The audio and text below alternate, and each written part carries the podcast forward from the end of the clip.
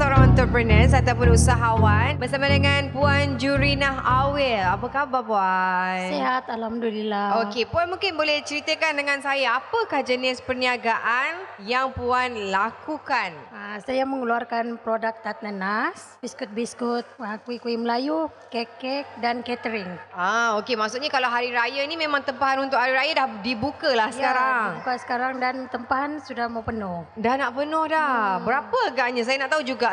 Berapa agaknya tempahan satu berapa balang untuk setiap hari raya uh, tempahan yang diterima oleh uh, puan Jurina? Macam tahun lalu, Mhm. tempahan yang kami terima lebih daripada 100 katen. 100? Katen 100 katen. Hmm. Okey, satu katen ada berapa dalam tu? 48. Wow, 48 kena kali dengan 100 katen tu ber- eh, banyak tu 4500 Hmm. lima- lima ribu lebih balang ke atas lah. Ah, lima ribu balang. Wow, okey. Lima bi- ribu balang untuk setiap tahun lebih kurang begitu. Hmm. Hmm. Uh, tempahan yang diterima. Se, ah, dari tahun set, ah, ke tahun Sebelum- dia sebelum? akan meningkat lah. Oh, setiap tahun akan meningkat. Hmm. Hmm. Ah, dah berapa lama sebenarnya perniagaan yang dijalankan oleh Puan Jurina ni? Saya buat ah, perniagaan ni dari tahun 2010. Ah, 8 tahun berniaga. Hmm. Alhamdulillah. Masa mula-mula nak nak mulakan perniagaan mesti kita kena keluarkan uh, satu jumlah wang ataupun modal hmm. pelaburan untuk kita mulakan perniagaan ya. Ya. kita macam uh, puan Jurina berapa agaknya anggaran modal yang dikeluarkan sewaktu nak buka bisnes ni? Ah, permulaan saya bermula dari 5000. 5000. 5000 tu untuk beli mesin untuk Tidak.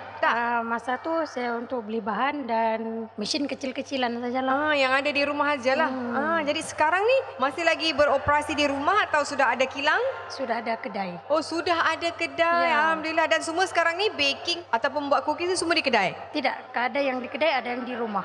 Ah, hmm. Kenapa? Kenapa tidak semua dibuat di kedai saja? Tak ada tempat ke macam mana? Satu pengeluaran nah, dah boleh ni support Mhm. Ah, pekerja kadang-kadang on, kadang-kadang tidak. Ah, kenapa pula pekerja kadang-kadang tak datang? Ya, Ah, jadi sekarang ni memang puan saja yang buat benda ni. ah, tidak ada khususnya. yang membantu. ada. Ah, ada ada staf, ada yang pemban- membantu. Ah, Berapa ada orang? yang ada ahli- ahli-ahli keluarga yang membantu. Ah, jadi senang lah kan sebab ya. kita nak besarkan perniagaan pun kita perlukan a team, ah, pasukan kan, pasukan. Hmm, pasukan. Ah, baru kita boleh bergerak dan ah, memastikan kita dapat menampung ah, permintaan Ya. order yang banyak. Okey, selain daripada tak nenas, ada berapa lagi jenis kuih ataupun cookies? Ah, lebih daripada 15 jenis. 15 jenis Amboi Jadi maksudnya 5,000 Katalah 5,000 balang kan Untuk hari raya kan Untuk tak nenas saja Ataupun campur-campur Untuk Tatnena saja dia lebih la- 5000 balang.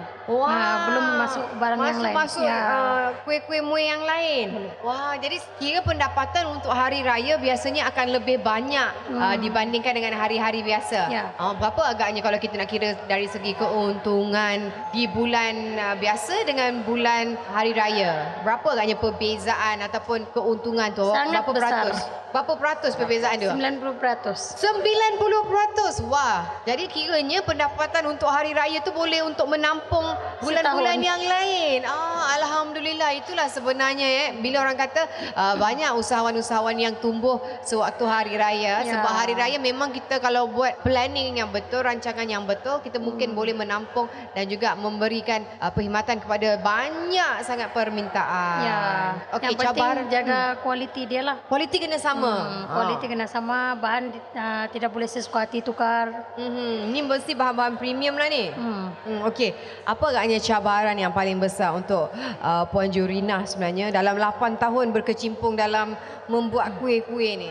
Dalam 8 tahun ni cabaran terbesar itulah staff. Staff. Ah, pandai on, pandai off. Ah, that's why al- ah, tim saya adalah ahli keluarga saya sendiri. Ah, sebab susah nak nak nak ambil pekerja susah ke?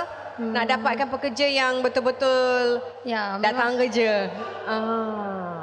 Mungkin apa agaknya masalah dia yang yang puan rasa yang menyumbang kepada susahnya nak dapatkan sebab benda ni Pekerja. kena digentel satu-satu. gentil satu-satu. Ah, Okey. Masa buat tu tu yang dia orang boring.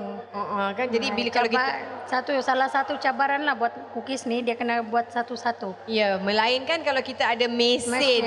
Nah, itu pula satu investment pula lah nak beli mesin. Tapi kalau macam tat pun tak boleh nak pakai mesin. Kita tetap nak kena Ha, kena menggentil gentil. kan. Ha, jadi itulah antara cabaran sebenarnya untuk Puan Jurina. Okey, um, selepas ini apa agaknya perancangan, harapan uh, Puan Jerina untuk perniagaan ini? Harapan ma- macam mau menjadi salah satu pengeluar terbesar ta- produk Tatnan Nas di seluruh negara. Wah kan insyaAllah hmm. dan sekarang ni memang dah famous di Sabah. Ya, hari Ah. itu uh, MID sudah bawa produk kami ke Jakarta dan Filipin. Wah Alhamdulillah dah mana tahu rezeki nanti kalau dia nak pakai uh, ataupun nak ad- order lagi banyak macam mana boleh tampung tak?